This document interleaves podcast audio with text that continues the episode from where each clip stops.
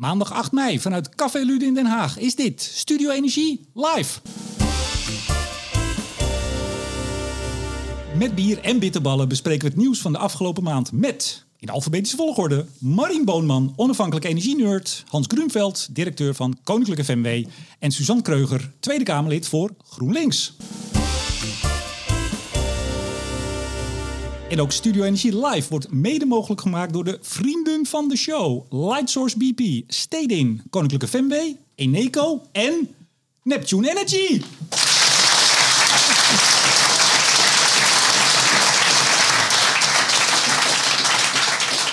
Ja, Marien, Hans klopt niet, hè? Nee, niet voor die klopt niet. Nee, ja, goed. Ik ga het zo over hebben. Marien, goed je te zien. Vaste tafel energie-nerd bij Studio Energie Live. Derde keer alweer. Met genoegen. Hoe is het met je? Uitstekend. Het met de duif? Uitstekend. Nou, kijk aan. Dat is lekker kort en bondig.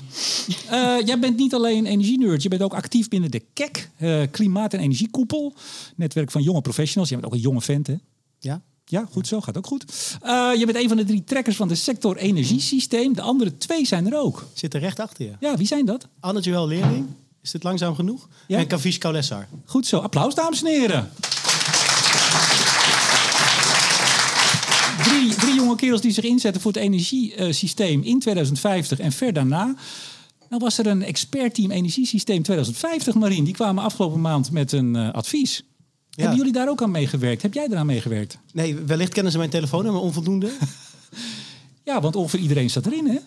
ja, dat was wel een, eh, een interessant gezelschap. Ja. Hadden ze ook verstand van het energiesysteem 2050? Ehm, eh, ik weet niet of ik de aangewezen persoon om dat te beoordelen, maar ik eh, vond er wel links en rechts wat op af te dingen eh, inhoudelijk. Ja. Ja. ja. er zaten heel veel mensen in met heel veel kennis Ja. en kunde. Die ook Absoluut. een aantal hier in de show geweest zijn. Maar over het energiesysteem 2050. Ja, ik vond niet dat er bijzonder veel inhoudelijk over dat energiesysteem in stond. En er stonden gewoon strijdigheden in. Zoals? Kernenergie is duur, kernenergie maakt niet uit voor de kosten. Ja. In dezelfde regel. En dat, daar ging bij mij een beetje het licht uit. Ik bedoel, dat, dat het een ingewikkeld onderwerp was, dat zag je ook wel aan dat ze zeiden... nou, omdat er politiek eh, aandacht voor is, gaan we het hierover hebben. En dus het, zal wel moeilijk hebben gelegen. Eh, alleen ja, als je in dezelfde regel opschrijft... iets is heel duur en iets is niet systeemkostenverhogend... dan ben ik heel benieuwd hoe de discussie... had ik heel graag bij de discussie willen zijn. Ja, Hans, rechtvaardig, een robuust en duurzaam energiesysteem in 2050. Nou, wie kan er tegen zijn? Ja, niemand. Eh, dus eh, wij ook niet. Dit wordt een hele, hele korte uitzending, denk ik. Tenzij, tenzij je andere vragen stelt. Maar, eh, Nou, de- nee, nee, maar goed, ik bedoel, dat is natuurlijk een beetje. Het, eh, dat lijkt een beetje eh, de kern van dit soort rapporten. Om, om titels te bedenken waar inderdaad niemand ook maar een spel tussen kan krijgen. Aan de andere kant vraag je af, wat, wat levert dan zo'n rapport aan, eh, aan toegevoegde waarde? nou dat, dat, heel veel. Er zijn drie hoofdboodschappen. Suzanne Kreuger. Ik ga je straks nog even voorstellen hoor, natuurlijk. Maar even kort rondje. Drie hoofdboodschappen. Minister Jetten nam het nog op in zijn brief van 13 april. Eén, we hebben perspectief op een aantrekkelijke toekomst. Nou, dat is, dat is een boodschap hoor. Zeker. Nee, ik vond het, eh, ik vond het eigenlijk een eh, heel waardevol rapport. Eh, juist omdat het eigenlijk wat breder ook kijkt naar de systeemverandering die nodig is.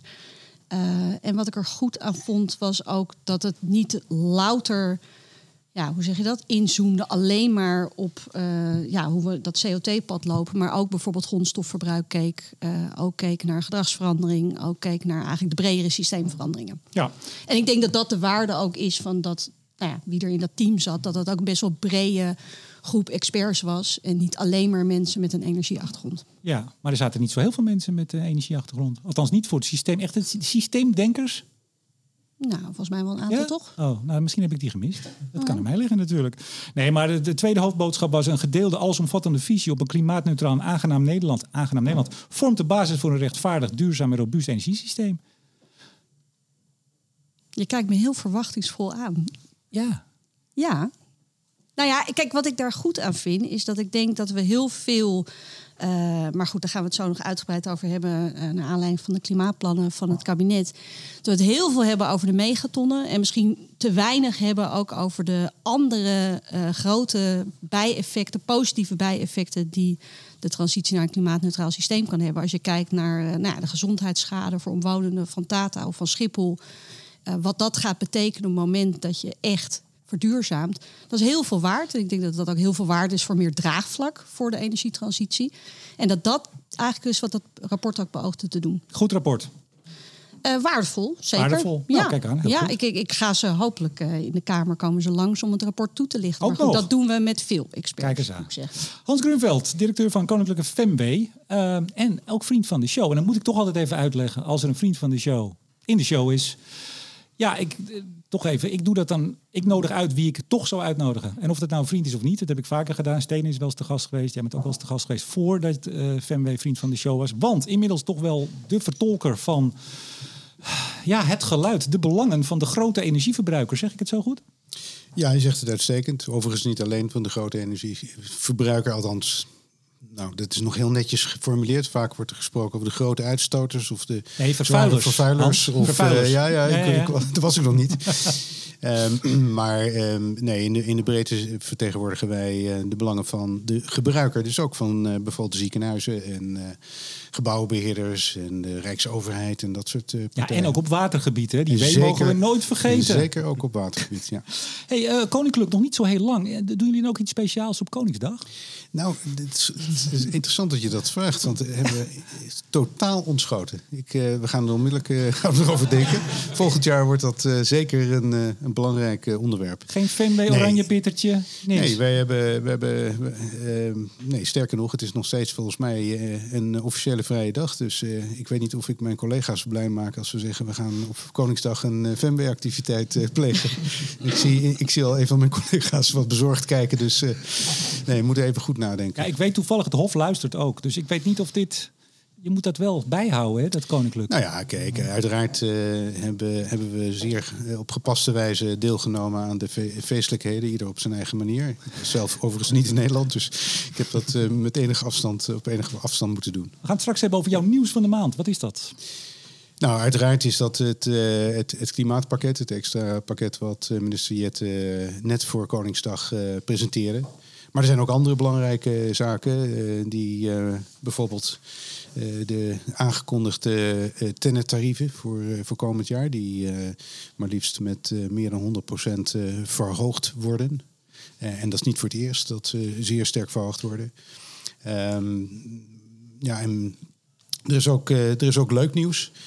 Zo eh, eh, las ik dat. eh, Ga je nu gewoon al het nieuws van de afgelopen maand opnoemen? ja, ja, ja, ik ga net zo lang door tot, tot, tot bij de mond wordt gesnoerd. Maar nee, wat ik wel leuk vond is dat Jasper Vis, bij velen bekend als iemand die buitengewoon waardevolle zich mengt in ja. blogs, twittert en, en, en andere zaken. Iemand die ontzettend goed geïnformeerd is en ook heel genuanceerd over alles wat betreft, eh, betreffing heeft op energie en klimaat naar buiten brengt. Die, ehm, die verlaat Tennet en wordt eh, country manager van eh, SSE Renewables. Een eh, Schots, eh, geloof ik, van haar uit Schots energiebedrijf. Die mee wil dingen met, aan, de, eh, aan de tennis voor wind op zee. Ja. Ehm, ja, we weten dat, eh, dat hij eh, in de tijd eh, bij het bedrijf werkte wat de eerste tender won. Dus ik denk dat de concurrenten eh, met enige angstzweet eh, deze stap bekijken. Ja, nou, we gaan het zo hebben over uitgebreid over het klimaatpakket. Maar even kort nieuwtje. In Duitsland gaat de coalitie, of de regering moet ik zeggen. Habeck heeft het vorige week aangekondigd. Een, althans, ze willen het invoeren. Een, een heel gunstig tarief, stroomtarief voor de industrie. 6 cent maximaal tot 2030. Worden ze lekker afgeschermd. Eh, gaat 25 tot 30 miljard kosten. Goed idee.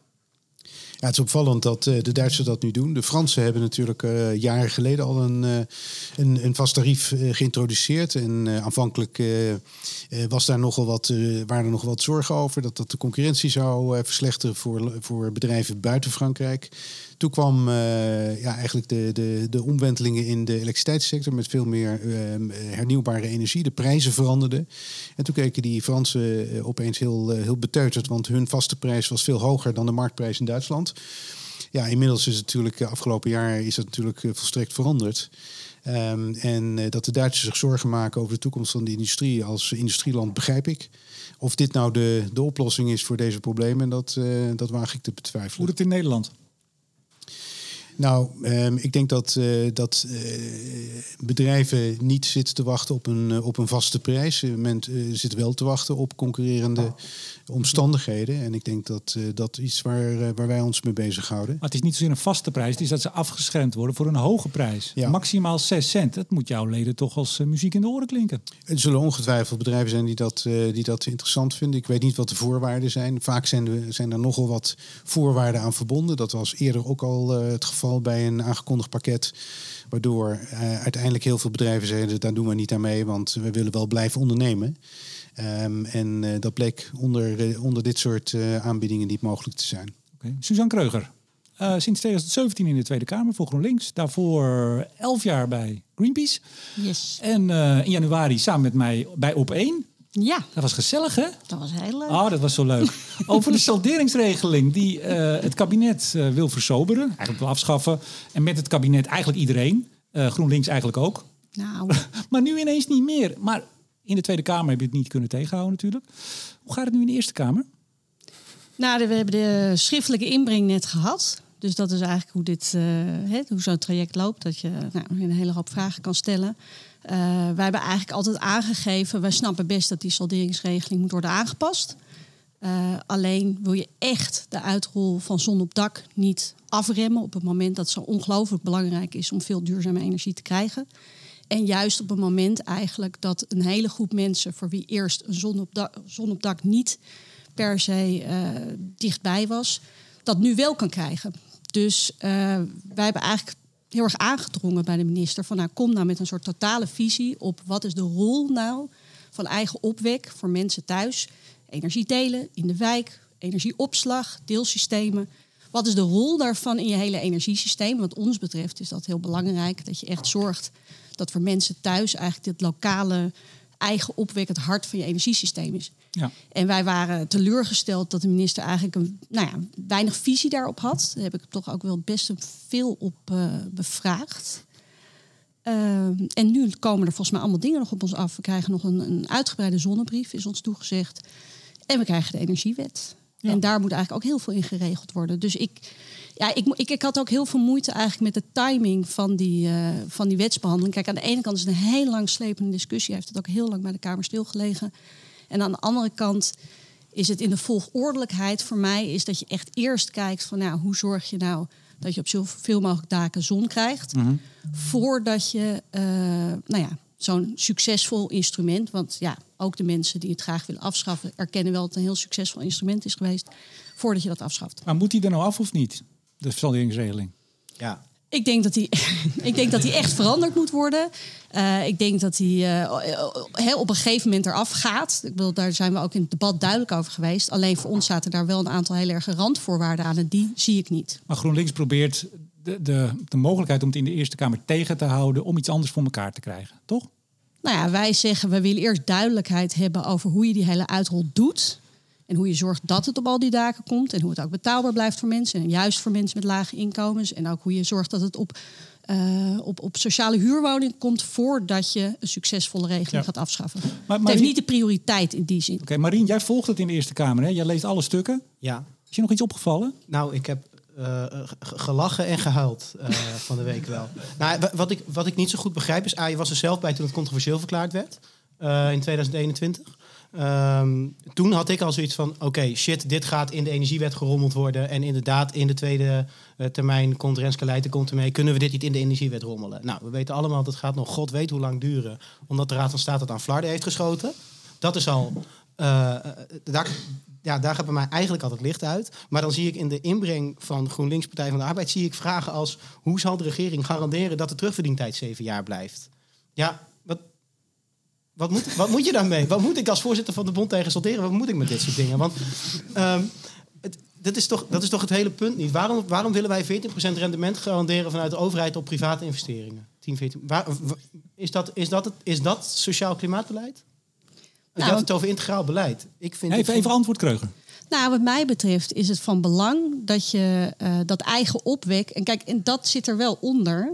Dat je zegt van dat mensen zelf energie kunnen opwekken. Dat je het kan met elkaar kan delen. Dat je het op kan slaan. Dat dat eigenlijk het hart is van je energiesysteem. Dat je dat voor heel veel mensen mogelijk maakt. Dat je energiecoöperaties veel Nee, meer maar Suzanne, aanjaagt. geef even antwoord op zijn vraag. Is Ja. nu 14%, is dat sociaal? Want mensen, die dingen verdienen zich terug. Je koopt ze en je, hup, terugverdiend. Het gaat ja, zo maar goed, je hebt ook gezien dat die prijzen enorm fluctueren. Je hebt ook gezien dat er zorgen zijn. Hè? Dat mensen zeggen van nou oké, bij zeven jaar durven we die investeringen aan. Maar voor heel veel mensen is misschien die zeven jaar ook, hoe zeg je dat? Dat wil je echt wel zeker weten, omdat het ontzettend spannend is om die investeringen te doen. Ik denk dat wij ook misschien eh, soms te makkelijk kijken naar mensen als eh, nou ja, de homo economicus die precies zegt van nou met eh, zoveel dan durf ik hem aan. Ja, maar goed, je Ja. lacht nu. Maar ondertussen hebben we het wel over dat je juist wil proberen bij zoveel mogelijk huishoudens, waar ook nu op dit moment nog niet zonnepanelen liggen, ze te krijgen. Ik ben ook niet tegen flankerend beleid om, o- om zon op dak te ondersteunen. Alleen eh, het saldering, de salderingsregeling is gewoon een onhoudbaar instrument geworden. Want als iedereen saldeert, wie betaalt dan de elektriciteit? Dat is, Nee, maar, maar, maar, Dus- maar snap jij dat eh, Ik- voor mij de vraag is... voordat je een succesvol instrument afbouwt... en een instrument wat in ieder geval... Hè, wat met allemaal nadelen... en daar hebben we het in het debat volgens mij ook uitgebreid over gehad...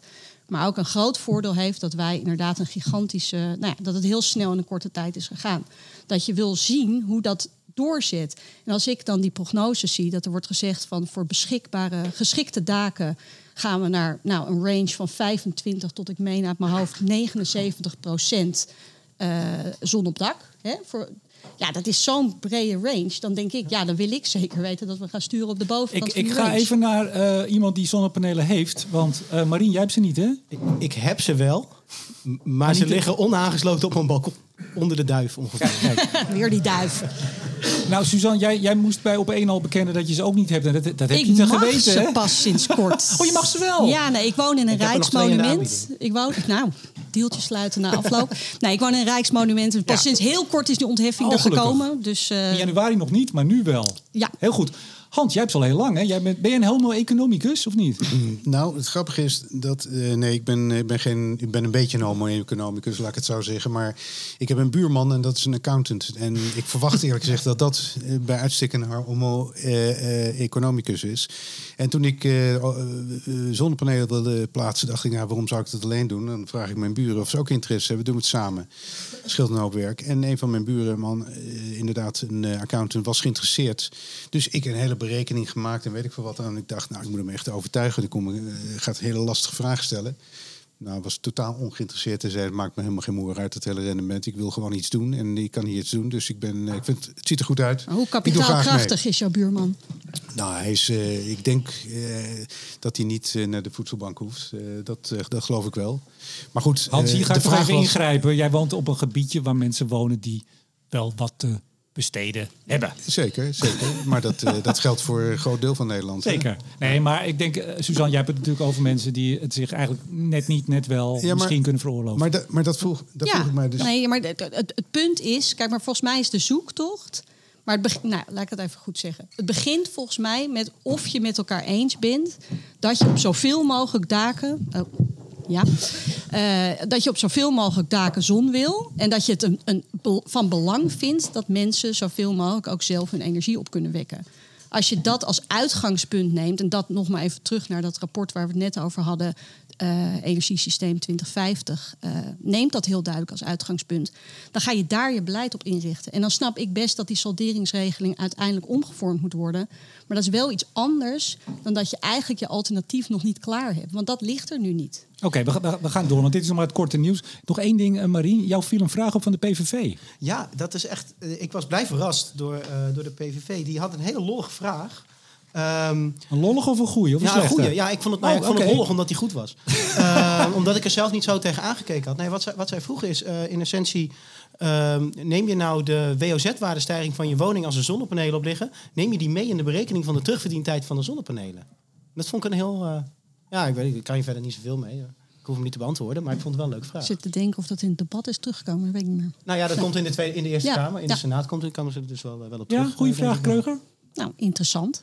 Ben benieuwd naar een antwoord. Ik vond het geen typische PVV-vraag ook. Ik vond hem echt wel... Weet je, ik, zat, ik had wel verwacht steden van de armen geven aan de rijken en dat is stom. Maar dit, dit vond ik een heel inhoudelijk verhaal. Ja, en de senatoren van het CDA die hadden met gemengde, Ja, ja, de gemengde gevoelens hè, bij het hele gebeuren. allereerste zin van de inbreng. Dus Henry heeft nog wel wat te doen. Goed zo. Ehm, we gaan zo naar de klimaatplan. Nog even kort nieuws. Uh, Suzanne Kreuger, kerncentrales Duitsland zijn dicht. Klaar, over en uit. Feestje gevierd? Dat hebben veel mensen gedaan die tegen kernenergie zijn. Ja. GroenLinks is tegen kernenergie. Hoe ja. kijken jullie er tegenaan? Nee, nee, geen feestje gevierd. Wel, kijk, dit was beleid. Dit is volgens mij twintig jaar geleden uh, ingezet. Uh, is een heel duidelijke uh, lijn geweest altijd. maar goed, ik, ik zie natuurlijk ook de pijnlijke kant ervan. En ik denk dat het nou, goed is om te zien dat in Duitsland het aandeel duurzame energie en duurzame elektriciteit hoog ligt. En er heel flink ingezet moet worden op energiebesparing. Maar er is een hoeveelheid vergelijkbaar met wat we in Nederland aan wind op land en alle zon die wij hebben, dat is in één keer uh, twee weken geleden van het grid afgeknald. Dat moet u toch pijn doen? Nee, dat geef ik ook net aan. Alleen denk ik ook dat het uh, heel, ja, weet je wat ik ook net al zei. Uh, wat mij betreft is kernenergie niet onderdeel van een duurzaam energiesysteem 2050, waar we het net over hadden. Uh, en uh, is dit beleid wat lang geleden is ingezet, ook met heel veel duidelijkheid is ingezet, uh, nog een beetje is gerekt uiteindelijk. nou ja, en toen is het knap doorgehakt. Ja. En dat snap ik heel goed. Hans Groenveld? Ja, ik vind het een, een hele slechte ontwikkeling. En mm, niet, niet omdat ik nou uh, religieus geloof in kernenergie, maar simpelweg omdat we een Europese markt hebben waar je ziet dat in het ene land twee kerncentrales of drie kerncentrales gesloten worden, terwijl een paar kilometer verderop, bij wijze van spreken, in diezelfde Europese markt um, uh, gepland wordt in Nederland dat er twee bij gaan komen. Ja, dat is natuurlijk, dat is natuurlijk ongelooflijk inefficiënt. en het belangrijkste is, het, het leidt voorlopig alleen maar tot een extra uitstoot van CO2. Wat natuurlijk uh, precies het, het, tegendeel is wat we willen bewijzen. En wat ik ook zorgelijk vind is dat op een gegeven moment de vraag natuurlijk ook moet worden gesteld: wat, wat blijft er dan nog over? Want kijk, een, een goed energiesysteem, los van dat het weinig CO2 of geen CO2 uitstoot, is ook een systeem dat niet gokt op één paard. Dus wat we zien dat we in Nederland eh, eigenlijk toch voor het grootste gedeelte afhankelijk worden straks van wind op zee. En je moet er niet aan denken dat er iets met die, uh, met die kabels of met die, uh, met die windparken gebeurt. Of dat er ontdekt wordt dat er in, uh, in een bepaald type molens of funderingen een of andere equivalent van een boktor of zo zit. Um, Hou op. Ja, nou goed, daarom is het goed gebruik om in verschillende opwekmethodes te investeren. En kernenergie heeft natuurlijk de nodige nadelen, maar het heeft wel één groot voordeel, namelijk dat het geen CO2-uitstoot veroorzaakt. En dat is natuurlijk wel, dat, dat, dat geldt helaas niet voor, voor heel veel uh, beschikbare uh, opwekmethoden. Ja, Marien? Uh, ja, ik heb, de, ik heb er wel moeite mee wat, wat er nu gebeurt. Maar wat ik, wat ik vooral wel, wel interessant vind, had, je had het net even over integraliteit. En ik denk dat, dat het belangrijk is dat je integraal naar, naar dingen kijkt. Ik wil er niet helemaal aan voorbij gaan. Maar als je die, uh, die maatregel, dat, dat prijsplafond waar ze nu in Duitsland over praten, dat is toch.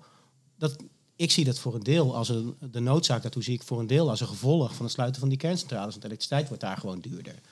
Um, dus ja, daar heb, ik, daar heb ik moeite mee, want ze graven dus een beetje hun eigen graf. Aan de andere kant, eh, eh, op mij komt het gewoon de, de route eerst het kern eraf en dan bruinkool eraf. Dat komt op mij wereldvreemd over. Dat, dat, sorry, maar dat snap, daar heb ik echt geen begrip voor. Hoe je, en dan gaan we met z'n allen gaan we weer een veldslag leveren in een, in een, bij een dorpje in Duitsland. Omdat ze daar een hele grote kuil gaan graven om, om bruinkool uit te halen. Maar ja, je zegt terecht, het is bestendig beleid. Maar ook bestendig beleid wat, waarvan na tien jaar blijkt dat het misschien niet zo'n best idee is. Mag je best van afwijken volgens mij. Suzanne, voortschrijdend inzicht. Daar is wat voor te zeggen. Nee, maar nogmaals, ik, ik ik pleit echt niet voor een systeem met kernenergie. Ik, ik hoor jou zeggen, ehm, Hans, dat, dat hè, van oh, we doen ze daar dicht en hier gaan er twee open. Nou, ik moet nog maar heel erg zien of die twee er ooit open gaan, om heel eerlijk te zijn.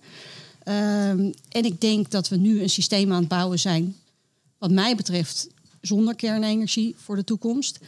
En nogmaals, ik hoop echt heel erg uh, dat er heel hard wordt ingezet op energiebesparing en op de hele snelle uitrol van duurzame energie in Duitsland. Om inderdaad zo snel mogelijk de CO2-effecten van deze maatregel te mitigeren. Maar, dat dat duidelijk zijn. maar, maar, maar, geldt hier niet eigenlijk hetzelfde voor wat je net zei over de afschaffing van de salderingsregeling? Er moet een goed alternatief zijn, wat ik overigens een terecht uh, punt vind. Er moet een plausibel alternatief zijn voordat je het afschaft. Dat zou toch hiervoor ook moeten gelden. En de, volgens mij hebben de Duitsers onvoldoende alternatief op dit moment voor, voor die drie centrales. Behalve dan inderdaad, zoals Marien terecht zegt, meer bruinkool en meer steenkool gaan verstoken. Ja, en import. Maar wat vind je van die volgorde? Want die, die volgorde, kijk dat je, dat je een systeem zonder kernenergie wilt, daar zijn wij het hartstochtelijk over oneens en dat mag en daar is het vrij land voor. Ehm, alleen wat die volgorde kan ik, gewoon, kan ik gewoon echt niet mee dealen. Dus eerst je kern eraf gooien en dan komen. Ja, wacht even, reactie? Nou ja, goed. Ik snap heel goed. Dit is twintig jaar geleden ingezet. Er is heel duidelijk altijd gezegd: we gaan van de kernenergie af. Uh, ze hebben de stappen gezet. Ze hebben het nog even gerekt vanwege de inval in Oekraïne. Uh, dus ja, ik snap Maar het gevaar besluit. daarvan, van mogelijke problemen aankomende winter of die daarna, die zijn niet geweken. En toch, want ze hadden nog prima door kunnen draaien. Sterker nog, Ja, de- maar de- goed, ik- de- ik- ik vind ook wel plan weer- Onderdeel van het plan Ja. was natuurlijk kernenergie eraf en gas erin. En dat is op dit moment natuurlijk, daar kijkt men toch wel een beetje anders naar. Zeker, En ik denk zeker. met hele goede redenen. Ja. Ja, maar Nou, goed, ik denk, eh, nou ja, net zoals in Nederland overigens en in de rest van Europa, denk ik eh, dat ook energiebesparing, dat dat ook richting komende winter nog een veel steviger onderwerp moet worden. En dat je dus ook op die manier moet proberen op de korte termijn eh, nou ja, de effecten te mitigeren. Nou, daar heb je gewoon gelijk in. Die terraskachels die kunnen een keertje uit, toch? Ja, dan gaan we die 30 terawattuur wel mee halen. Ja, Hè? nee, maar weet je nee, dit beetje is flauw, weet je. Kijk, Nee, dat is- energiebesparing... nee, hoezo is dat flauw? Nou, wat ik vervelend vind is dat energiebesparing eigenlijk heel snel een beetje wordt verengd tot... eh, nou, een tweet van mij over roltrappen of terraskachels. Terwijl natuurlijk eigenlijk allerlei studies laten zien dat er gewoon een heel groot potentieel zit. Dat we dat potentieel dit jaar eigenlijk aan de markt... Hè, we hebben het nu gewoon op prijs laten doen, om het zo maar te zeggen. Eh, en ik denk dat je daar gewoon heel serieus naar moet kijken. Maar daarom, we gaan het zo over het klimaatpakket hebben. Ik ben heel blij met dat eh, bijvoorbeeld de besparingsplicht... eh, Ja. Mag ik eh, hierop reageren? wordt. Ja, zeker. Oh, het is jouw show. Ik, nou nee, ik zit, ik zit heerlijk naar jullie te luisteren. Maar dat vind, vind ik toch een beetje gek wa- wat je nou zegt. Want het gaat toch wel degelijk om hoeveelheden. Nee, Kijk, tuurlijk. nee, maar het, het gaat Ja. over 30 terawattuur. En als er iemand een godsgruwelijke hekel aan terrasverwarmers heeft, dan ben ik het wel. En zo zijn er nog een aantal dingen waar ik een hele erg hekel aan heb. Dus daar vind je me. Mm. Maar om nou te zeggen, we knallen de 30 terawattuur af. Ja, we moeten wat meer gaan besparen. Dan mag je toch ook wel een vraagteken bij zetten. Nee, tuurlijk. En ik zeg ook niet dat dat geheel met besparing te doen is. Ik denk alleen wel dat wat mij opvalt, en ik ben heel benieuwd, nou ja, ik denk dat dat wel breed gedeeld is sinds zeg maar de energiecrisis. Dat het onderwerp energiebesparing is heel lang eigenlijk een beetje ondergeschoven. Heeft heel weinig prioriteit in beleid gehad. Nou, ik denk dat de leden van Hans eh, heel erg energie bespaard hebben afgelopen jaar. Nou, nog, eh, helaas eh, Niet op te de- veel. Ja, Eh, ja. ja. als je kijkt naar de Nederlandse industrie, zo'n 30% reductie. Ik had toevallig eh, van de week een, eh, een ge- voorgesprek voor een conferentie in Frankrijk. En die waren echt verbaasd over deze getallen. Ehm, dus, eh, en dat is natuurlijk geen efficiëntieverbetering, eh, helaas. Ik, ik wil er nog bij zeggen dat ja, energiebesparing is natuurlijk belangrijk en, en is, is altijd, eh, heeft altijd een rol gespeeld bij, zeker ook bij de industrie. Want ik bedoel, elke euro die je besteedt, die niet hoeft te besteden, is, ehm, is weggegooid geld. We moeten alleen goed ons realiseren dat de transitie eerder een verdubbeling van de vraag dan een vermindering van de vraag. van- Dus zelfs met energiebesparing, wat je natuurlijk een, een, een plaats verdient, daar heb je absoluut gelijk in, eh, Sudan. Maar eh, tegelijkertijd verdubbelt onze elektriciteitsvraag in, eh, in Nederland in, in een hele korte periode. En daar hebben we ja, CO2-vrije bronnen voor nodig en die zijn er niet zoveel. Ja. We gaan het klimaatpakket. Ik ga terug naar Suzanne. Oh, je wil een slokje nemen? Nee, Ja, doe, maar- doe maar het lekker. is op. Eh, oh, het is op. Oh, eh, kan, kan die Nou. Of wij een flesje water kunnen krijgen deze kant op. Alsjeblieft. Yes. Heel fijn. Duimpje omhoog.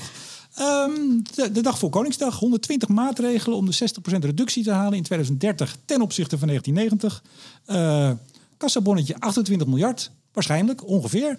Eh, eerste reactie, Suzanne Kreuger. Kijk, ik was aan de ene kant eigenlijk echt opgelucht dat die 22 megaton dat die, eh, bestendigd is. Ik vond. Op papier. Ja, op papier. Nee, dat, daar, daar kom ik. Eh, want ik, ik merkte in de laatste debatten, zeg maar, eh, dat je merkte dat eigenlijk toen dat IBO werd gepresenteerd, hè, de- toen werd gezegd van nou, de rest op. Wacht even, sorry, ik onderbreek je even. Nee, want er zijn, we hebben ook altijd luisteraars Ja, die ja. er wat minder diep in zitten. IBO, dat is een interdepartementaal clubje die allerlei maatregelen hebben voorgesteld die zouden gebruikt kunnen gaan worden. Daar heeft de minister een aantal van gebruikt, best veel zelfs. Zeker. Eh, ja, Ja, nou ja, en, en eigenlijk ehm, eh, was een heel belangrijk punt van die studie was eigenlijk van nou, de restopgave, als je die de 60% zeker wil stellen, is 22 megaton. En ik merkte in debatten dat dat best wel ter discussie werd gesteld. En daar, nou ja, Uh, het was ook net na de provinciale statenverkiezingen. Stikstofdoelen stonden onder druk. Dus ik was best bezorgd eigenlijk dat dit klimaatdoel aan zich onder druk zou komen te staan. En ik was eigenlijk opgelucht dat dat niet het geval is. Mm ik heb wel, je zegt er meteen bij uh, op papier. Dat is ook wel mijn, mijn twijfel. Dat ik denk van nou, ik ben heel benieuwd als we zo direct de klimaat- en energieverkenning in het uh, najaar krijgen. Hoeveel dat nou echt uh, toe optelt maar dat is natuurlijk altijd, hè? Want je, je moet, ja, je zet dingen in gang en dan valt het tegen, het valt mee en het, meestal valt het een beetje tegen. Dus ja, en zo komen we verder. Ja, maar er zitten ook wel dingen in waarvan ik, uh, nou ja, bijvoorbeeld landbouw is natuurlijk gewoon de, the great unknown. Dat is eigenlijk natuurlijk helemaal uh, vooruitgeschoven naar het landbouwakkoord. Ik zag net het nieuws dat. Wat was het? Dat het deze week, geloof ik, of volgende week in ieder geval. Nou, er moet een kogel door de kerk met dat landbouwakkoord. Dus dat ja, we moeten nog heel veel kogels door kerken schieten in Nederland. Op dit zeker, moment. Ja. zeker. Um, maar goed, met, mijn, mijn tweede reactie was toch ook wel dat ik uh, uh, iets echt heel erg miste in het pakket wat er nu ligt. En uh, nou, ik heb dat woord bezieling gebruikt. daar kreeg ik nogal wat reacties op. omdat het voor mij gaat eigenlijk over, nou ja, waar we het net ook over hadden, die grotere transitie die we moeten maken het is niet alleen een klimaatcrisis waar we mee moeten dealen. Het is niet alleen CO2. We hebben natuurlijk ook gewoon een groot grondstoftekort. We krijgen waterproblemen, natuur, stikstof. Hè? Dus je zit op, eigenlijk op allerlei uh, planetaire grenzen uh, met een flink probleem. En dan moet je volgens mij uh, keuzes maken die bijdragen aan die, echt die systeemtransitie. nou, die systeemtransitie die nodig is. Maar bezie, toch even bezieling. Bij wie mist de bezieling? Um, dat is een hele goede vraag. Nou, ik neem aan dat je daar het antwoord op hebt als je nou dat ja, mist. Voor mij was het pakket miste de bezieling. Maar ik weet niet zozeer of het bij Rob Jetten als persoon die bezieling mist. Dat denk ik eigenlijk niet. Uh, maar ik vond is, het, dat is dan toch wonderlijk ja, dat is waar, de, waar de interessant. bezieling mist. Ja. ja, nou het pakket als totaal dacht ik, ik krijg niet het beeld van dit is waar we naartoe gaan voor dat klimaatneutrale systeem wat we, wat we nodig hebben. Uh, en ik vond eigenlijk het, het, het, beste voorbeeld vond ik mobiliteit. Uh, daar is toch wel, uh, nou ja, zijn een aantal keuzes in gemaakt om bijvoorbeeld niet de normering op leaseauto's in te voeren. er is de keuze gemaakt om flink de biobrandstoffen in te zetten, wat best wel een, een, nou ja, een, een, korte termijn oplossing is. en eigenlijk niet alles in gang te zetten voor een mobiliteitssysteem. Waarbij je zegt, nou, openbaar vervoer als collectieve voorziening CO2-neutraal is eigenlijk je, he, je ruggengraat. Uh, vervolgens heb je heel veel deelautosystemen in wijken, in dorpen, waardoor mensen allemaal toegang hebben tot goedkoop betaalbaar elektrisch vervoer. En daarnaast zorg je voor een goede gestage uh, ingroeipad van uh, tweedehands elektrisch. Ik, ik zag een en dat helemaal miste eigenlijk. En dan denk ik van ja, dan, dan wat je dan doet, is we koersen nu af op geloof ik 65% EV in 2030 ja, dat staat zo ver van maar, maar even, die gesteld zijn. Ja, maar laten we even, want we kunnen al die 120 maatregelen nu gaan doornemen. Nee, maar ik deed deze even ja, ja. als voorbeeld van wat nou ik bedoel ja. met die systeemverandering. Ja, maar, maar even, ik zag een tweetje van je toen uh, er uh, een soort proefballonnetje werd opgelaten dat ook de, de fossiele rijders wat harder aangepakt zouden gaan worden. Er zou wel eens een 10 cent bij kunnen komen. Ik noem het het dubbeltje van, uh, van Rob Jetten. Je, je, maakte toen een tweetje, hier gaat iets mis. Toen bleek of leek dat de de fossiele autorijder, de vervuiler, moest gaan betalen. Toen dacht ik, dit is nou voor GroenLinks. Nee, ja, dan heb je mijn tweet. Dat is mijn tweet duidelijk niet duidelijk geweest. Het was namelijk screenshots van aan de ene kant dat het voor de fossiele rijder duurder wordt. Waar inderdaad Daar ik helemaal voor. niet tegen ben. Maar aan de andere kant de OV-prijzen duurder worden. En als je woont in gebieden waar nu al ziet dat eigenlijk de bushalte wordt wegbezuinigd, uh, waarbij het OV duurder wordt, dat is het hele punt wat ik probeer te maken. Is nee, maar, dat je nee, dus dat is goed. Nee, maar Ja? even, dus, dus als, uh, als het OV op orde komt, dan mag die fossiele rijder in het oude dieseltje of dat benzineautootje die ver weg in Oost-Groningen woont, waar überhaupt geen openbaar vervoer is, die mag wel hoger worden aangeslagen van GroenLinks. Check. Nou, kijk, in onze doorrekening zit gewoon rekening rijden. En dan ga je differentiëren op basis van uitstoot. En ook op basis van plaats en tijd. En dan kan je ook wel degelijk die persoon in Oost-Groningen enigszins ontzien. Ik bedoel meer te zeggen, is, nou, ik ben een enorm pleitbezorger. Vind ik heel jammer dat er niet in zit. Is uh, deelmobiliteit. Dus echt zorgen dat elektrische auto's in, in wijken. Uh, ook in stadswijken met mensen die niet kunnen betalen, dat er uh, elektrische deelauto's beschikbaar zijn. Dat in dat dorp in Oost-Groningen, dat daar elektrische deelauto's dat is toch zijn. iets wat de markt moet doen, of niet? Want Ja, maar die, dat die is- markt ontrolt zit- zich enorm. Ik, ik heb Eh, zelf tien jaar Greenwheels gereden. Ik bedoel, dat, dat, dat ontwikkelt zich als een dolle. Aan de ene kant kan je dat zeggen. En aan de andere kant zie je dat het juist in de wijken waar je het misschien het liefst zou hebben, het niet van de grond komt. Dus ik denk dat, nou ja, we zien een pakket van 28 miljard. Daar zit nogal wat waarvan je kan zeggen, zou de markt het moeten doen? En dan vind ik, vind ik van dit, eh, nou ja, zou ik het willen dat je het, op een, dat je het faciliteert. Is pas nog, vast wel een potje te vinden in die 28 miljard. Hans Groenveld. Nou, het grote nieuws was daar. Het pakket was daar. Je was niet meer in Nederland, begreep ik. Dat klopt. Wat, eh, wat vond je ervan? Eerste reactie? Nou, ik denk dat eh, wat Suzanne Bezieling noemt wat ze mist, dat noem ik randvoorwaarden. Ehm, het klinkt, klinkt wat minder, eh, misschien wat minder vriendelijk, maar nee, wat, wat, wat, eh, wat, wat ik mis. Kijk, goed is dat, dat in dit pakket natuurlijk eh, een, een belangrijke rol weg is gelegd voor, eh, voor het bereiken van doelen door de industrie. Dat is, eh, dat is, dat is logisch, omdat dat uiteindelijk ook de meest kostenefficiënte maatregelen zijn. 5,2 megaton extra zijn jullie nu voor aan de lat. Ja, nou ja, en, daar, en dat, eh, dat kost slechts eh, tussen aanhalingstekens 9, ruim 9 miljard. Als je dat vergelijkt met eh, de, de, nog geen 2 miljard of 2 megaton bij huishoudens en MKB, dan moet je daar ongeveer drie keer zoveel voor, voor neertellen. Dus dat is verstandig. Maar wat, wat echt ja, steeds zorgelijker wordt, is dat de overheid richting de markt, richting de industrie en andere partijen strenge eh, doelstellingen, strenge maatregelen eh, oplegt. En in feite diezelfde bedrijven en, en instellingen niet in staat stelt om ook de maatregelen te treffen die ze graag zouden willen nemen. Eh, Het bekende voorbeeld: bedrijven worden zelfs verplicht om straks elektrische boilers te gaan installeren. Maar als je geen aansluiting op het elektriciteitsnet krijgt, wat moet je met zo'n ding? Ehm, en eh, ja, daar vind ik toch wel echt verbijsterend dat eh, de netbeheerders bijvoorbeeld op geen enkele manier eh, doelstellingen voor een rekening krijgen. Er wordt gewoon maar gezegd dat de netbeheerders op hun blauwe ogen moeten worden geloofd dat zij de netten uitbreiden, dat ze veel investeren. Nou, dat is hartstikke mooi, maar de vraag is niet of ze veel investeren. De vraag is of ze voldoende investeren en of het voldoende snel gaat. En ik had verwacht van de minister dat hij ook daar niet alleen richting industrie, mobiliteit en andere duidelijk eh, eh, maatregelen zou aankondigen en doelen eh, zou, zou definiëren, maar dat hij dat ook zou doen voor de infrastructuur. En wat ik het meest bizarre vind, is dat die infrastructuur waar de overheid rechtstreeks zeggenschap over heeft, dan heb ik het over de toekomstige waterstofinfrastructuur, die van groot belang is om ook de ambities van dit kabinet en meer dan alleen het kabinet te realiseren op het gebied van waterstof. Dan zie je dat daar de kruideniersmentaliteit in Nederland regeert. Ehm, eh, bedrijven worden, worden vooraf eh, eh, gevraagd om,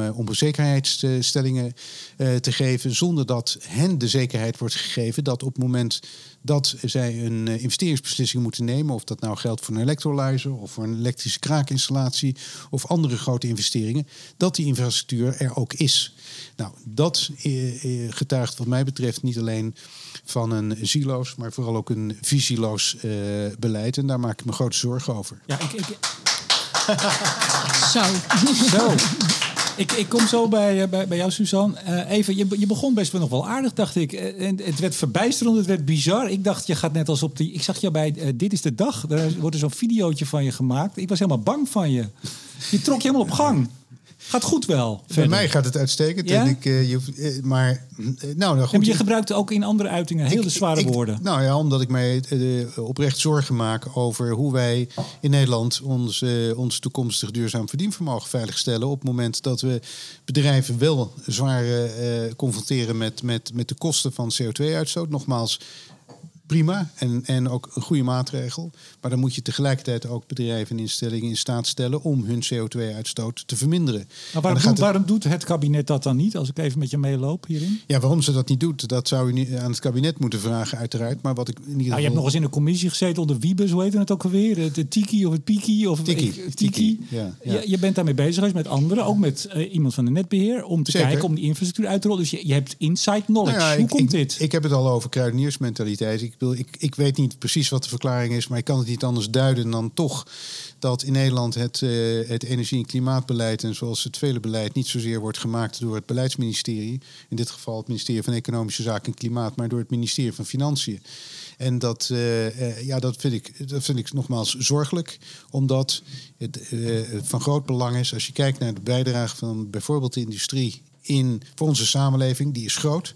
Daar moet je uiteindelijk als land ook de rode loper voor uitleggen. Uiteraard met randvoorwaarden. Maar eh, eh, dat is, eh, en dat ontbreekt ten ene male.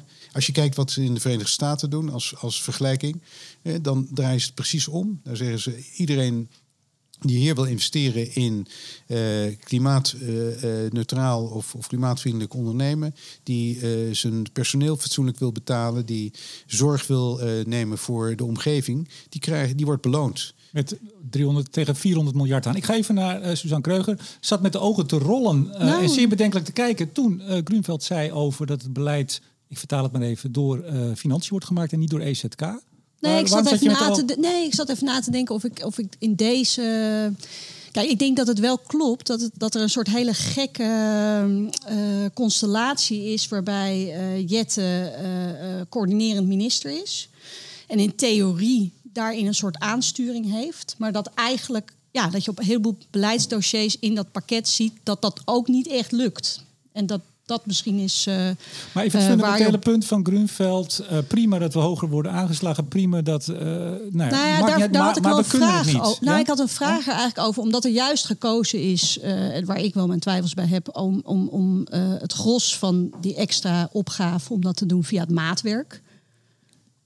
Dus dat is eigenlijk. eh, Maatwerkafspraken tussen ja, de de overheid en maatwerkafspraken. bedrijven. Dus niet zozeer hè, wat het in het IBO was eigenlijk voorgesteld om vooral het, het, nou, het, plafond voor de heffing omhoog te doen. Nou, er is gekozen om het eigenlijk daarbuiten te doen en te doen via het maatwerk. Dus dat zou ik zeggen, dat is. eh, nou, hoop ik dat jouw achterban is daar denk ik zeer eh, eh, blij mee. Maar het onderdeel van dat 10 tot 20 maatwerk. bedrijven waarmee maatwerkafspraken worden Ja, gemaakt. maar Zeker, onderdeel van dat ja. maatwerk is toch ook dat de overheid zich ook committeert. En Ja. ik ben wel benieuwd hoe jullie daar dan naar kijken. In hoeverre dat nou een reële eh, hè, commitment wederzijds is. Nou ja, dat is, dat is dus inderdaad de, de, laat ik zeggen, de cruciale vraag. Eh, Gaat de overheid zich committeren? Nou, op het gebied van de elektrische infrastructuur is dat lastiger eh, dan voor bijvoorbeeld waterstof of CO2. Omdat elektriciteit, zoals bekend, Europees gereguleerd is. Dus waar de overheid ook een zeer beperkt en terughoudende rol heeft. Overigens volledig terecht. Eh, dat laat onverlet dat je daar natuurlijk wel degelijk ook als overheid, ook als, laat ik zeggen, eh, als signaalfunctie duidelijk van kunt zeggen. Wij willen nu van de netbeheerders duidelijk weten waar ze, eh, wat is het gat wat moet overbrugd worden. En een plan, een concreet plan, om dat ook binnen afzienbare tijd te doen. Want nogmaals, de industrie bestaat uit meer bedrijven dan die 10 tot 20 bedrijven waarmee maatwerkafspraken worden gemaakt. Er zijn tientallen, zo niet honderden bedrijven die eh, in het land eh, op verschillende plekken zitten, die geen enkel perspectief hebben op een aansluiting op een waterstofnet, die hun elektrische, zelfs hun bestaande elektriciteitsaansluiting niet mogen gebruiken van de netbeheerder. Ja, welke ruimte hebben die om uiteindelijk te verduurzamen?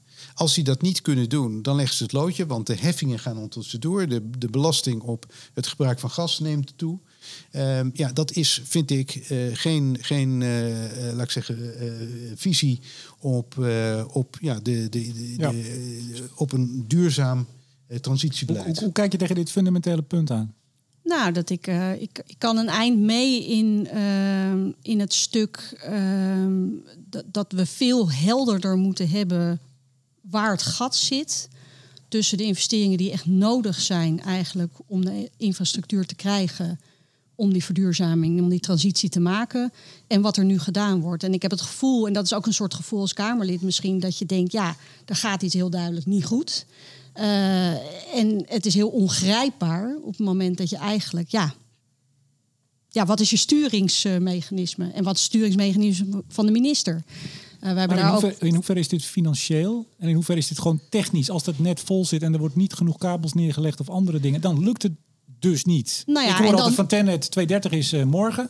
Nou ja, en dan heb je het hele verhaal over. hè, Het gaat natuurlijk eigenlijk ook over arbeidskrachten. Het gaat over materialen en materiaalkosten. Het gaat om, om, om planning, om een, om een plan hebben over hoe je, dit, eh, hoe je dit voor elkaar krijgt. We hebben hier net, eh, wat was het? nou, een van de paar debatten geleden nog een motie precies over dit punt ingediend. Om eigenlijk te zeggen van nou ja, prognotiseer nou op die energievraag. En, en wat is daarvoor nodig qua investeringen en voor planning? En wat is het gat? Ik maak dat duidelijk, want dat moet in ieder geval transparant zijn, want dan kan je erop in gaan grijpen. Ja, ik, ik ga even naar tafelnerd uh, Boonman.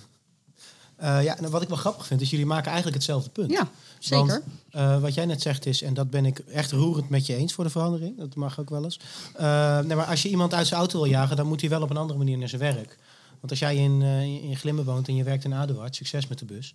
Um, zeker als hij, als hij wegbezuinigd wordt. Um, en, en, maar wat, wat Hanslik zegt, is precies hetzelfde, maar dan uh, zes orders van grootte ja. uh, groter. Dus je moet, je moet gewoon een alternatief bieden. Ik viel in het IBO viel ik enorm over. We gaan per, wat was het? We gaan per, per 2024 of 25 of zo, per 25 gaan we de gasbelasting gaan we verhogen. Want we vinden 1,50 de kuub, dat, uh, dat is blijkbaar draagbaar. Want dat hebben we een jaartje gedaan met z'n allen. Uh, en dan gaan we EFG in de huur, de EFG-labels, gaan we uitfaseren vanaf 2,28 of 2,30. Succes met je draagvlak. Ja, ik, ik vond dat echt een, een, idioot voorstel. En ik kon nou niet helemaal uit de Kamerbrief halen of, de, of die het gehaald heeft. Um, er is overigens iemand niet gekomen vandaag. Uh, die, die, die stuurde mij nog een berichtje. Wij zijn nog bezig om ja. te kijken wat er nou eigenlijk precies onder die 120 ja, maatregelen. Hoopte... Je bent niet de enige voor wie dat niet duidelijk nee, is. Ik hoopte dat die podcast heel... vandaag kwam. nou, er zit heel veel. Ja, nee, maar goed. Ik, ik denk nou ja, moeten duidelijk uh, uh, ook. Want je hebt natuurlijk aan de ene kant deze 120 maatregelen, aan de andere kant heb je die 28 miljard. Mm -hmm. En uh, PBO heeft net de quick scan is publiek geworden hè, van, van, van die verschillende opties, zeg maar. Dus dat gaat ook op elkaar inwerken. Ik zag, ja, daar, ik zag daar een FD-artikeltje over. Toch even dat je het zegt, Suzanne.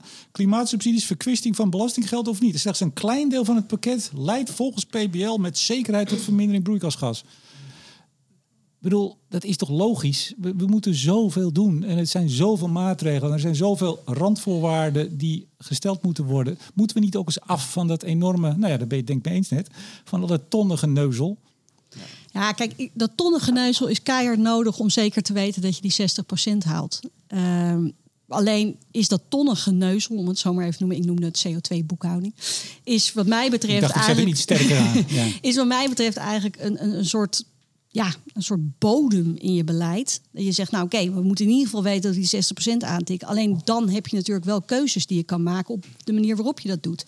En dan is, zou mijn pleidooi zijn dat je de keuzes maakt die bijdragen aan die systeemtransitie naar 2040, 2050. En ik heb moeite, uh, bijvoorbeeld met de industrie, dat in dat maatwerk, dat we hè, middels ETS uh, nu richting 2040 nul gaan.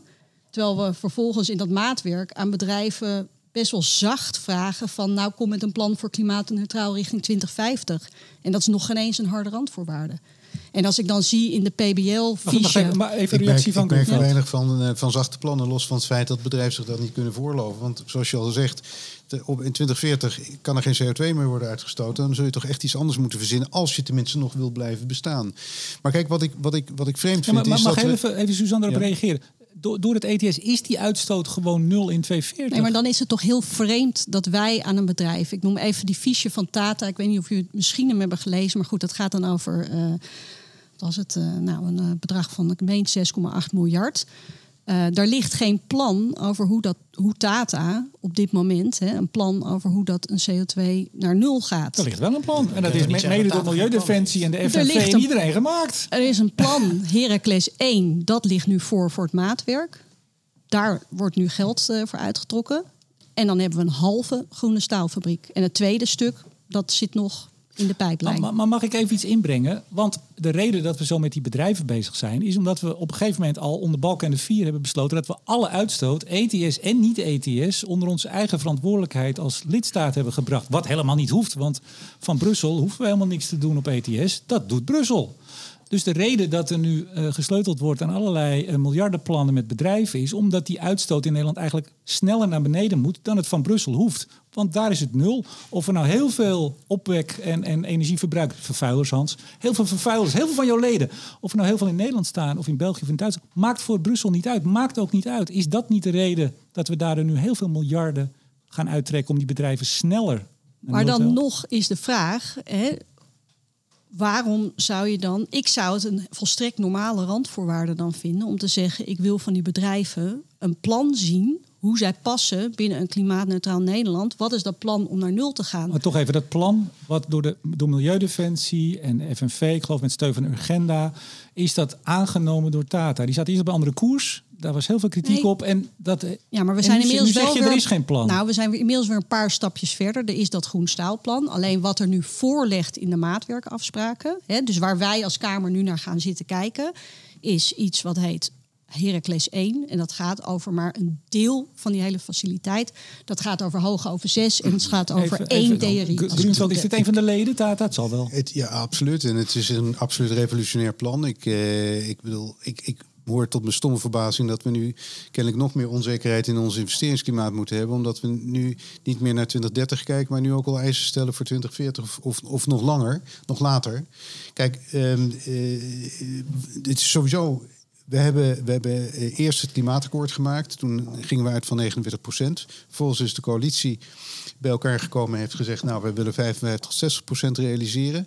Dat wordt dus ook gedaan. Nou, dat, dat, dat staat al in schril contrast met wat we vaak van de nepbeheerders horen: van het kan niet meer. Hè. Het, vergeet het maar. eh, wen maar aan het feit dat er onvoldoende capaciteit is en dat je iets, een andere oplossing moet vinden. Ik snap niet hoe die redenering samen kan gaan. Terug naar Tata en andere spelers. Het ombouwen van een staalfabriek naar een, een, een eh, klimaatneutrale staalfabriek is nog nooit ergens ter wereld gebeurd. Nog nooit ergens. Dus uiteraard ga je een plan maken in fasen. Ga je niet in één klap de stap maken van, van 12 megaton eh, CO2-uitstoot naar nul. Dus het is denk ik heel verstandig dat men een plan maakt in detail hoe men de eerste stappen eh, onderneemt. Ehm, dat zal ook moeten, omdat bijvoorbeeld de waterstof die je nodig hebt om uiteindelijk de steenkool als reductiemiddel te vervangen, die is helemaal niet beschikbaar op korte termijn. En toch moet Tata zijn CO2-uitstoot drastisch verminderen. Dus ik vind dat je ze veel kan verwijten, maar niet dat ze niet met een, met een concreet plan komen. Ik vind het verstandig dat het bedrijf niet een plan maakt meteen en bij de overheid inlevert om klimaatneutraal te zijn in 2040, omdat dat volledig ongeloofwaardig zou zijn. Ja, ik zeg even tegen de luisteraars dat als jouw geluid af en toe wat zachter, wat harder, je kijkt ongeveer om de vijf seconden Suzanne aan en dan kijk je mij weer aan. Nee, maar dat, dat geeft een leuke dynamiek. E- Even Suzanne Kreuger en dan kom ik bij jou weer, Marien. Ehm, we focussen natuurlijk heel erg in Nederland op reductiedoelen. Het moet bepaalde percentages zijn. Eh, jij zegt nu, wij als GroenLinks proberen daar nu wat. Hè, het is de basis, maar we willen het eigenlijk breder. We moeten systeem. Oh, dan kijk je heel moeilijk. Ja, oh nee, nee. Ik kijk omdat je zegt eh, alsof dat een nieuw iets is. Kijk, volgens mij. Ja, maar die focus op die Ja. doelen, daar, daar, daar wil Ja. ik even naartoe. En, en vooral ook eh, GroenLinks, wat al heel lang zegt, dat wij nooit doelen hebben gehaald. Terwijl we tot nu toe alle doelen in 2020 gehaald hebben. Dus die focus en ook de druk vanuit eh, het maatschappelijk, zeg je dat nog, het middenveld? Nou, de Ja. maatschappij. Op van het moet meer en het, het moet morgen klaar zijn. De ETS hoeft eigenlijk niet van Brussel. Dat hebben we onszelf opgelegd. Dat we dat brengen onder nationale doelen. En daarom moet er veel meer gebeuren dan in principe andere landen hoeven te doen. En vervolgens halen we de doelen tot nu toe. Maar zeggen jullie vaak, ja, dat halen we. We hebben nooit een doel gehaald. Rutte heeft nog nooit een doel gehad, terwijl we alle doelen gehaald hebben. Althans, de meeste, de, de uitstootdoelen van Europa. Er zijn doelen gehaald. Maar goed, kunnen deze discussie weer eens doen. Er zijn doelen gehaald. Dat zijn ook doelen die uit volgens mij 2013 klimaatakkoord. Er is een doel. eh, Maar waarom zeggen Nou, jullie toch... Nee, dat wil ik toch even nu... Dat kunnen we Ja. hier nu op, oplossen. Waarom zegt GroenLinks... blijft zeggen dat er een Rutte, kabinet Rutte... nog nooit een klimaatdoel heeft gehaald? ik vind het doel waar ik eh, Rutte op afreken, is het ambitieuste doel wat je jezelf stelt. Ik wil op het moment dat ik ga trainen voor de marathon en ik zeg, nou, ik ben zo goed bezig, ik heb nu de 10 kilometer gerend. Dat was misschien mijn doel een paar jaar daarvoor, in de aanbouw naar die marathon. Maar, inmiddels ben je aan het trainen voor een marathon. Maar, toch even, Jesse Klaar, voor 2021... in tien jaar Rutte nog nooit een enkel klimaatdoel gehaald. Dat is gewoon niet waar. Dat blijft ook, tot dit jaar ook weer. Jaar na jaar worden de klimaatdoelen niet gehaald. Ja, maar het klopt dat jaar na jaar de klimaatdoelen niet gehaald worden. Dat klopt. Ja, Ja, maar dit, dit is een bijna eh, surrealistische discussie. Die doelen zijn gehaald. Vraag het even aan Martin Visser. Ik kan ze je ook er opnoemen. zijn doelen die gehaald zijn. Daar Maar- heeft Martin maar als gelijk je nou zegt als partij dat er hebt. nooit een doel is gehaald. Goed. Dat is dan toch er zijn doelen. Ja, ik, ik heb ook mijn papiertje bij me. Eh, er zijn doelen gehaald. Eh, alleen nogmaals, ik denk bij het klimaatbeleid, wat je ziet, is we zijn begonnen met heel onambitieuze doelen. Die zijn steeds aangescherpt. Dat is ook keihard nodig. Als je die anderhalve graad wil halen, is 60% wel het minste wat je moet doen als Europa. Eh, en als je ziet dat de doelen, de, de doelen die het kabinet zichzelf stelt, die halen ze elke keer niet. Nou zeg je het weer. Nee, dus, ja, Ja, maar, ja, het meest ambitieuze doel, dus die 49% die hebben ze niet gehaald. maar voor En vervolgens 2020 die zeiden jullie dat de, de 25 niet gehaald ging worden. Is gehaald van uw agenda. Nee, maar je kunt toch niet zeggen dat het doel in de toekomst niet gehaald zijn als je nog zeven Nee. jaar hebt. Want het kabinet, ja, ik ga het nou bij voor het kabinet opnemen. Dat is ook niet mijn, mijn, mijn stiel.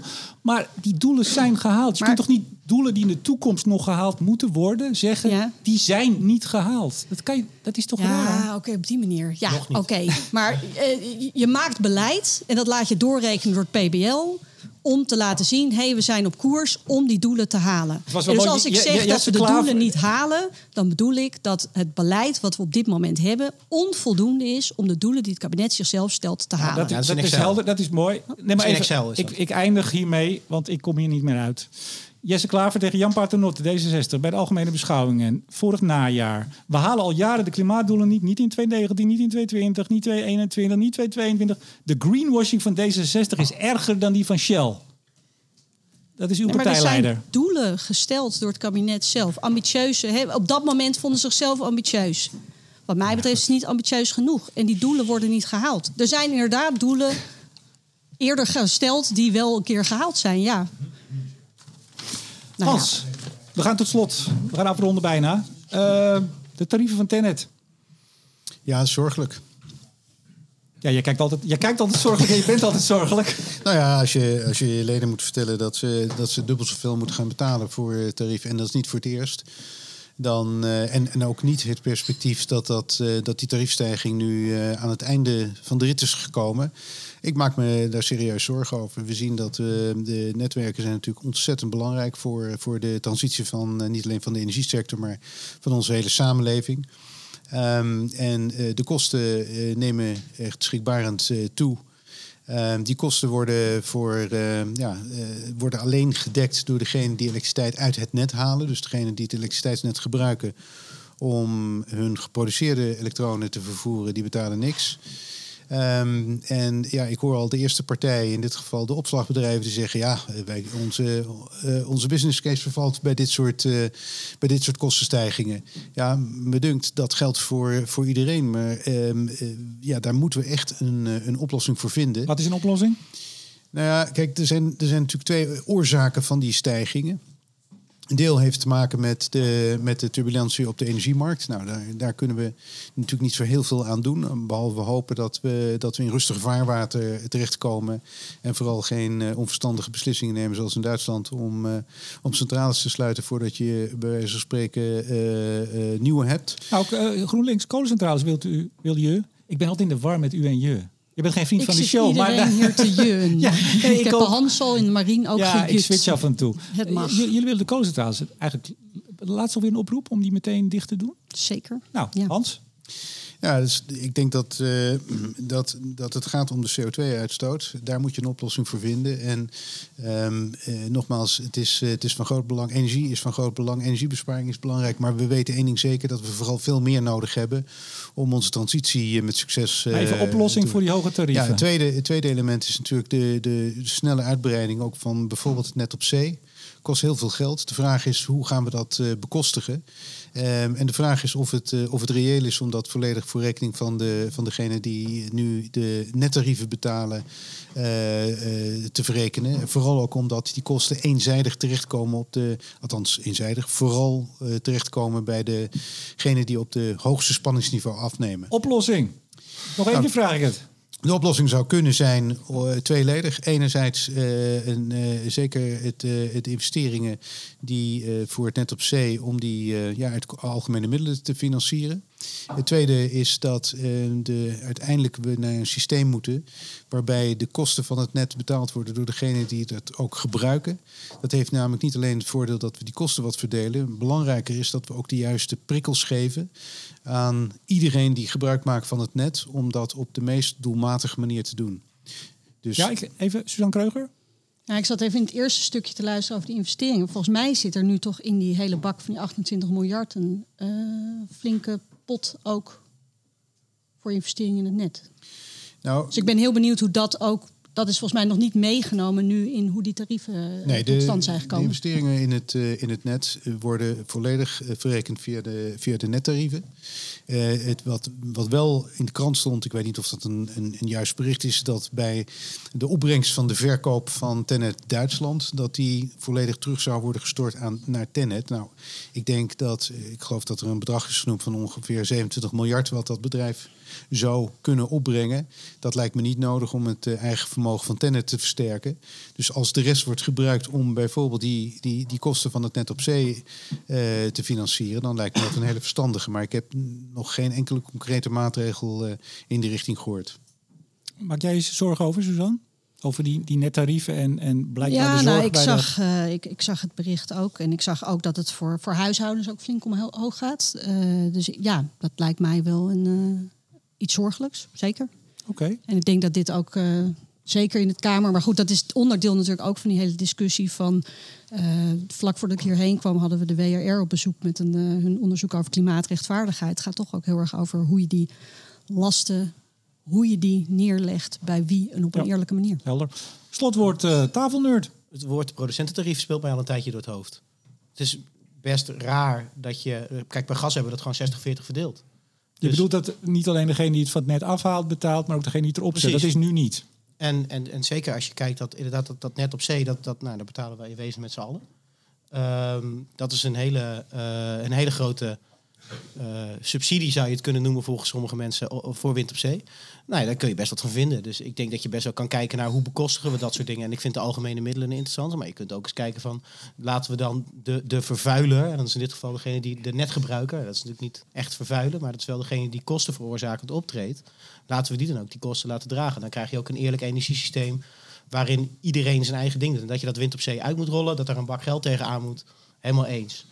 Ehm, maar nu, eh, ja, nu zie je dat dat heel erg gaat drukken op die, met name bij elektriciteit, op die, eh, op die afnemer. En ja, dat, dat treedt gewoon remmend op eh, in, de, in, die, in die energietransitie. Ja. En dan inderdaad, dan krijg je nog niet eens echt waarvoor je geld. Als je een aansluiting hebt, dan moet je hopen dat je hem mag gebruiken. Ik zie Suzanne knikken. Hans? Ja, nou, ik, ik Is Suzanne- knikte met Oh. interesse aan het luisteren. Oh, sorry. Dat, ik heb, ik heb Dat is nooit een goed Nou, teken als en mensen ik- met interesse. Nou, ik vroeg me ook Even af in kort, hoeverre dit afronden. überhaupt eh, in Europese regelgeving mogelijk is. Hans? Dat kan gewoon. Ja, er zit Nou, toch een obstakel. Dat, klopt. het is op dit Nou, moment het is, alleen. Ja. Het is, ge- het is beperkt en dat, Ja. is, dat moet eraf. Maar ja, iemand moet er in- over beginnen. En eh, Nederland is voor zover ik weet nog steeds lid van de Europese Raad. Dus die kan dat zeker ook initiëren. Maar belangrijk is denk ik om, om toch te, eh, goed te realiseren dat infrastructuur ongelooflijk belangrijke randvoorwaarde is voor, voor het functioneren van onze samenleving. Het aantrekken van investeringen. Dat geldt voor elektriciteit, dat geldt voor waterstof en voor vele andere zaken. En eh, ja, ik zou, ik zou het toch heel, heel fijn vinden als, als deze regering ook een, een duidelijke visie daarop eh, op heeft.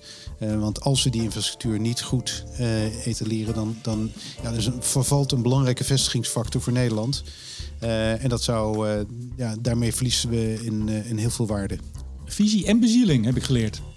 Zeker. Suzanne? Ja, zeker. Visie Goed. en bezieling. Nou, dan op dat, eh, met die, die positieve, eh, naar voren kijkende slotwoorden eh, zeg ik, ik, zeg ik, ik bedank mijn gasten. Jawel, onafhankelijk energienerd Marien Boonman, directeur van de Koninklijke FMW Hans.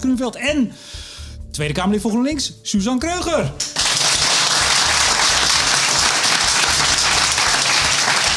Ik zeg ook dank aan het publiek hier in Café Lude. Ja, we zijn er nog niet. Dank aan het publiek hier in Café Lude. En uiteraard bedank ik ook jullie beste luisteraars. En in het bijzonder alle vrienden van de show. Waaronder Lightsource BP, Stedin, Koninklijke FMW, Eneco en Neptune Energy. Mijn naam is Remco de Boer.